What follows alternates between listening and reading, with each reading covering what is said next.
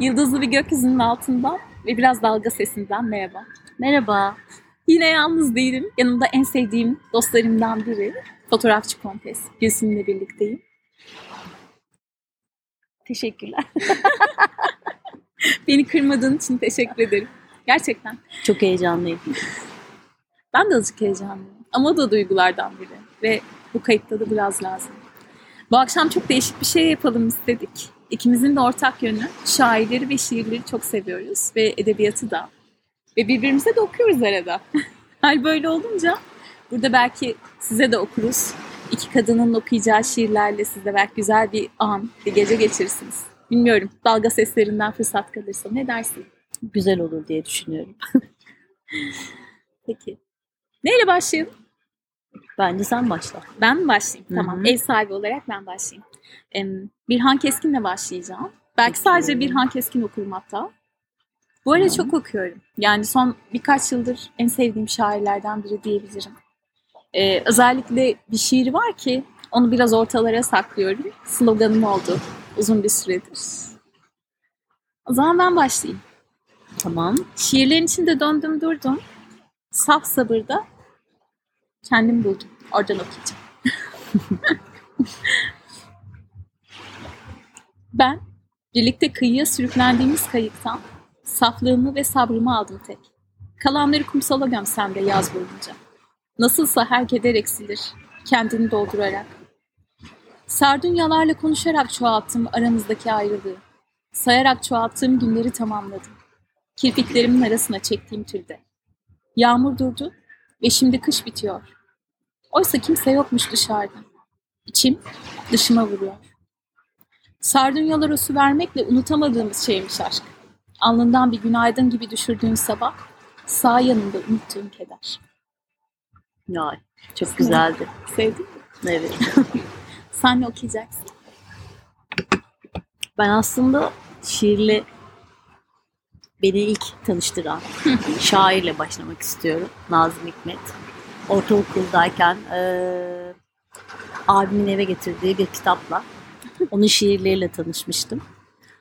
Eee, o zaman bütün şiirlerini çok iyi anlayamasam da şu an 42 yaşındayken her şeyi daha iyi idrak ediyorum.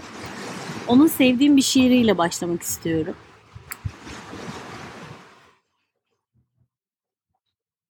Hangi şiiri? Mavi gözlü dev. Oh. O mavi gözlü bir devdi. Minnacık bir kadın sevdi. Kadının hayali minnacık bir evdi. Bahçesinde ebruli, hanım eli bir ev. Bir dev gibi seviyordu dev. Ve elleri öyle büyük işler için hazırlanmıştı ki devin. Yapamazdı yapısını, çalamazdı kapısını. Bahçesinde ebruli, hanım eli açan evi. Ağzına sağlık. Teşekkür ederim. Ee, Nazım Hikmet'le ilgili benim de şeyim var. Ee, bir anım var. Ben ortaokulda şiir çok severdim. Daha doğrusu sevmek zorundaydık gibi bir şey vardı. Bir Türkçe öğretmenimiz vardı. Ee, ortaokula ilk başladığımızda ilk söylediği şey bir şiir defteri tutacaksınız ve gidin düz sayfalar, böyle şey tamamen düz kağıttan oluşan bir şiir defteri alın. Neyse koşa koşa gittim. En sevdiğim şey tabii ki böyle renkli sayfalar şeyler. Böyle bir şiir defteri aldım. Cahit Sıtkı Tarancı ile başladım. Orhan Veli Kanık neredeyse bütün şiirlerini yazmıştım. Ve Behçet Necatigil. E, çok sevdiğim şairlerdi o dönem. Şiir defteri ortaokul hayatım boyunca hayatımda oldu. Sonra lise, ergenlik, işte böyle şiiri küçümsemeler, şeyler falan. E, sadece ergenlere yakışan o hadsiz duygular diyeceğim. bir süre böyle savruldum. Ee, ve tabii ki o dönem daha asi oluyorsun ya böyle hani aşka falan tövbe etmiş haller, dünyayı aşacak varsayımlar. Ee, lise bittikten sonra tam üniversiteye başlayacağım dönemde tiyatro ve diksiyon kursuna gittim ben. iki aylık kursa. Orada e, konservatuvardan iki hocamız vardı ve tiyatro dersleri alıyorum.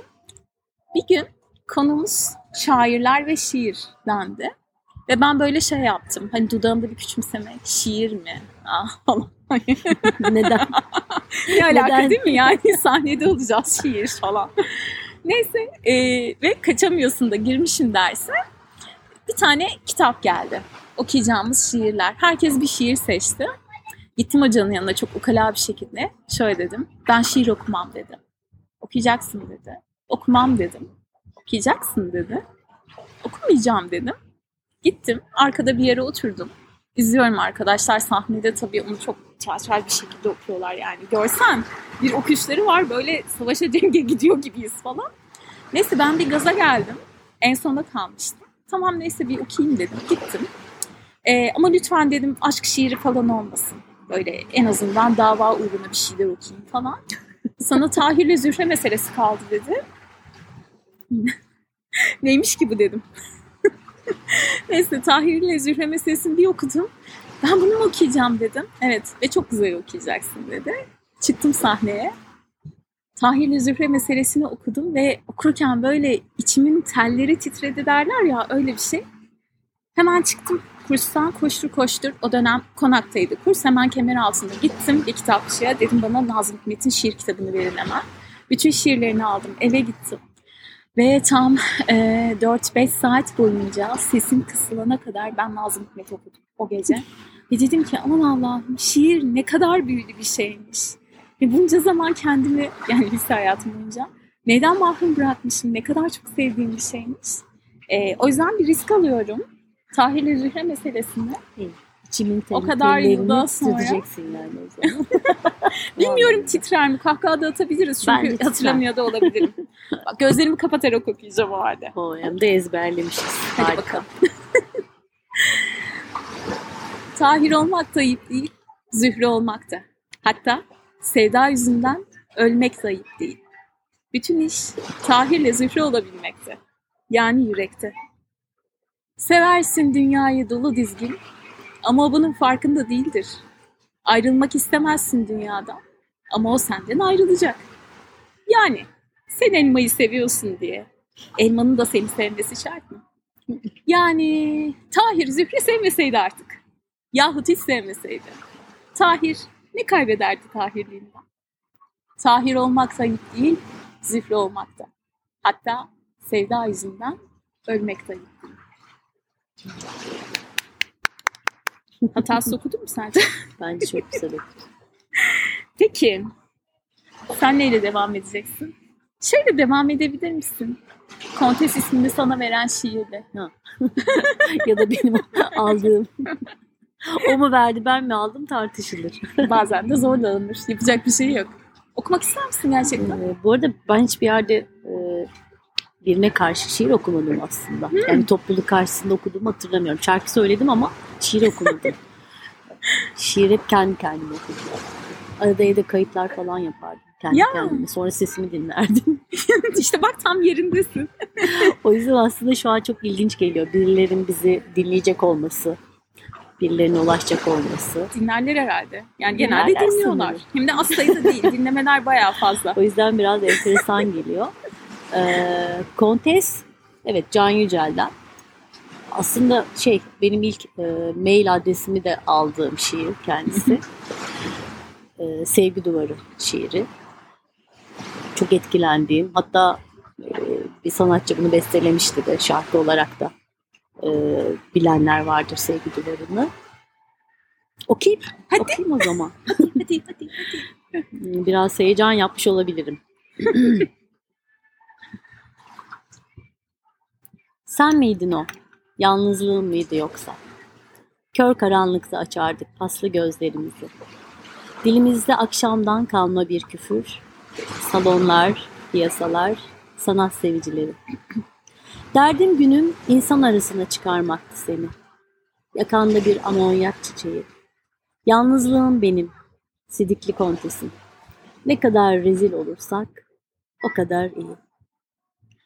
Kum kapı meyhanelerine dadandık. Önümüzde altın baş, altın zincir, fasulye plakisi.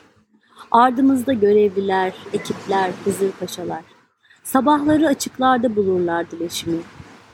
Öyle sıcaktı ki çöpçülerin elleri. Çöpçülerin elleriyle okşardım seni. Yalnızlığım benim, süpürge saçlım. Ne kadar kötü kokarsak o kadar iyi. Baktım gökte bir kırmızı uçak. Bol çelik, bol yıldız, bol insan. Bir gece sevgi duvarını açtık. Düştüğüm yer öyle açık seçik ki. Başucumda bir sen varsın, bir de evren. Saymıyorum ölüp ölüp dirilttiklerimi. Yalnızlığım benim, çoğul türkülerim. Ne kadar yalansız yaşarsak o kadar iyi. Son iki dize var ya. çok çok çok güzel. Ya Daha evet. önce sen bana isminin buradan geldiğini söylediğinde ben okumuştum şiiri. Hı hı. Ama şu an mest oldum. Çok vuran bir şiir bence. Hatta çok ilginçtir. Günlük hayatta böyle bazen öyle bir anda gelir ki aklıma. Özellikle o ne kadar yalansız yaşarsak o kadar iyi kısmı. Güzel. yani şiir işte şiir sadece aşk değil aslında bence. Genelde öyle bir algımız var birçok insanın. Hatta romantizm deyince şiir aklımıza geliyor ama şiir çok farklı, matematiği çok farklı, duygusu çok farklı. Bana da şiir aslında tamamen matematik gibi geliyor. Çünkü öyle bir şey ki. Ki e, öyle. Daha önce bir şairin hikayesini duymuştum. Sanırım lisede anlatılmıştı. Kim olduğunu hatırlamıyorum ama adam sadece bir kelimeyi şiire yerleştirebilmek için 10 yıl beklemişti. İçine sinmemişti. Kelimenin yerine doğru olan, oraya uyacak olan, o matematiğe uyacak olan gelsin diye. Ya inanılmaz etkilenmiştim ben bunu duyduğumda. Evet, çok Ee, merak ettim kim olduğunu. Öte yandan da kesin hatırlarım. Sonra şey yaparız. Yeni bir kayıtta belki onu da söyleriz. Ee, öte yandan da sanki şiiri okuyabilmek ve algılayabilmek için belli bir damıtılmışlıktan geçmek gerekiyor. Düz yazı okuyan herkesin algılayıp, yani tamamlı olmasa da büyük bir çoğunluğunu algılayabileceği bir şey. Ama şiir gerçekten bambaşka bir dil ve sanki e, onu duyabilecek kulaklar da başka. Onu yazan eller de başka. Diğer tüm edebiyat türlerinden çok farklı bir şey gibi geliyor bana. Daha üstün demeyeceğim. Çünkü hepsi çok güzel. Ama bir başka işte. Bir koyuluk gerekiyor belki. Belki korkmadan bütün duyguların içinden geçebilmek gerekiyor. Bir algı sadece. Ben Yani. aşk şiir okuyacağım ama arada. Bu arada e, şunu da sö- şey e, söylemek istedim. Can Yücel'in e, dönem arkadaşı o kuşaktan biri Abdullah Nefes diye bir şair dostumuz, büyüğümüz vardı bizim. Bu şiirleri bir de çoğunu ondan dinledik Ya. biz. Ve e, çok isterim bir gün seni tanıştırmayı onunla. Yaşayan, yaşamış e, bir insan. Bu duyguları birebir bilen bir insanın dilinden anlatarak bu şiirleri okuması da çok çok çok farklı. O yüzden diyorum ya şiir dediğin gibi bambaşka bir şey. Evet yaşanmışlık istiyor, koyuluk istiyor. Koy, koyu. Tam kelimesi koyu. Mesela o, o, Ben de. o, o çok ilginç bir tanımdı. Onu beğendim. Tuttum. Hatta böyle e, sana şiir kaydı yapsak mı dediğimde içimden şey tanımı geçti. Bir kıyıdayız. Ve kıyıları genelde seviyorum. Kıyı kitabı da dahil olmak üzere. Ama sanki koyu duyguların kıyısı şiir. Hani bir, bir kıyı olduğunu biliyorsun. Bir deniz olduğunu biliyorsun. Artık oradan çıkabileceğini, açılabileceğini biliyorsun. Şu anda da koyu bir gecedeyiz zaten. Aynen. Jüpiter ile Satürn tam üstümüzdeyken. Gökyüzü, deniz. Okuyayım mı? Evet dinliyoruz. Benim sloganım haline gelen iki dize var burada. Hı hı, O yüzden çok seviyorum bu şiiri. Merak ettim. Eski avluda. Bir çiçek açtığında bir eski avluda diyor ki çalıda sarı bir çiğdemim ben ve senin çok eski cümlen. Sen otursan gitmemiş ki olsan. Ben sana bir eski endülü savdusu istersen serin bir portofino getirsem ya da yedi göllerin yedisini birden. Bir çiçek açtığında bir eski avluda diyor ki her şey çok eksik ve neredeyse yok gibiyken. Buldum buluşturdum kendime geldim. Tek eksik sensin. İncecik, çilli bir dille sen de gelsen.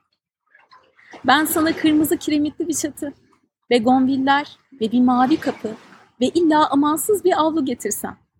Dünya soğur, akşam serinlerken. Benim sensiz sevinecek bir şeyim yok. Kılı kırk yardım, altının üstüne getirdim. Ve işte en geniş, cümlem. İçimi açtım sana. içini açmak için. En gümüş cümlem demek istiyorum burada. Doğrusu oydu diye biliyorum çünkü. İçimi açtım sana, içini açmak için. Çok güzel. Çok güzel. Çok severim bu şiiri de. Durduk. Durdum. Durdum. Bunu da ezbere okumak isterdim. Şu an önümdeki bir sayfa yerine. Sen neyle devam etmek istersin? Geceden konuştuk. Dedik işte. Koyu bir gece. Ben yine çok sevdiğim bir şair Turgut Uyar. Onun bir şiirini okumak istiyorum. Biraz uzun. O yüzden bir kısmını okuyacağım. Tamam. Geyikli Gece. Ah. Halbuki korkulacak hiçbir şey yoktu ortalıkta. Her şey naylondan da o kadar. Ve ölünce 5-10 bin birden ölüyordu güneşe karşı. Ama geyikli geceyi bulmadan önce hepimiz çocuklar gibi korkuyorduk. Geyikli geceyi hep bilmelisiniz. Yeşil ve yabani uzak ormanlarda, güneşin asfalt sonlarında batmasıyla ağırdan. Hepimizi vakitten kurtaracak. Bir yandan toprağa sürdük. Bir yandan kaybolduk. Gladyatörlerden ve dişlilerden ve büyük şehirlerden gizleyerek yahut dövüşerek geyikli geceyi kurtardık. Evet, kimsesizlik ama umudumuz vardı. Üç ev görsek bir şehir sanıyorduk. Üç güvercin görsek Meksika geliyordu aklımıza. Caddelerde gezmekten hoşlanıyorduk akşamları. Kadınların kocalarını aramasını seviyorduk. Sonra şarap içiyorduk. Kırmızı yahut beyaz. Bilir bilmez geyikli gece yüzünden. Geyikli gecenin arkası ağaç. Ayağının suya değdiği yerde bir gökyüzü. Çatal boynuzlarında soğuk ay ışığı. İster istemez aşkları hatırlatır. Eskiden güzel kadınlar ve aşklar olmuş. Şimdi de var, biliyorum. Bir seviniyorum düşündükçe bilseniz. Dağlarda geyikli gecelerin en güzeli. Hiçbir şey umurumda değil diyorum. Aşktan ve umuttan başka. Bir anda üç kadeh ve üç yeni şarkı. Belleğimde tüylü tüylü geyikli gece duruyor. Biliyorum, gemiler götüremez. Neonlar ve teoriler ısıtamaz yanını yöresini. Örneğin manastırda oturur içerdik iki kişi. Ya da yatakta sevişirdik bir kadın bir erkek. Öpüşlerimiz gitgide ısınırdı. Koltuk atlarımız gitgide tatlı gelirdi. Geyikli gecenin karanlığında. Bu arada şiiri bitirmeyeceğim dedim ama ben devam edip duruyorum. yani devamını Zaman senin. Okumak ister misin? hmm, çok uzun aslında okumayayım. Tamam. Bu yarım kalsın. Belki başka bir podcast'te devam ederiz. Yarım bilir? kalanları da seviyoruz. Evet merak edenler devamını okusun hatta bence. Bu da güzel oldu. İlk bu şiiri okuduğumda Geyikli Gece böyle ne anlattığını tam anlamıyla anlayabilmek için 4-5 kez daha okuma ihtiyacı duymuştum. O zaman benden yine bir Birhan Keskin geliyor. Peki. Acıyla geçtiğim yoldan geçiyorsun. İzlerime rastlıyorsun. Bıraktıklarıma. Orada o yolda çekmiştim ruhumu patlatan fitili.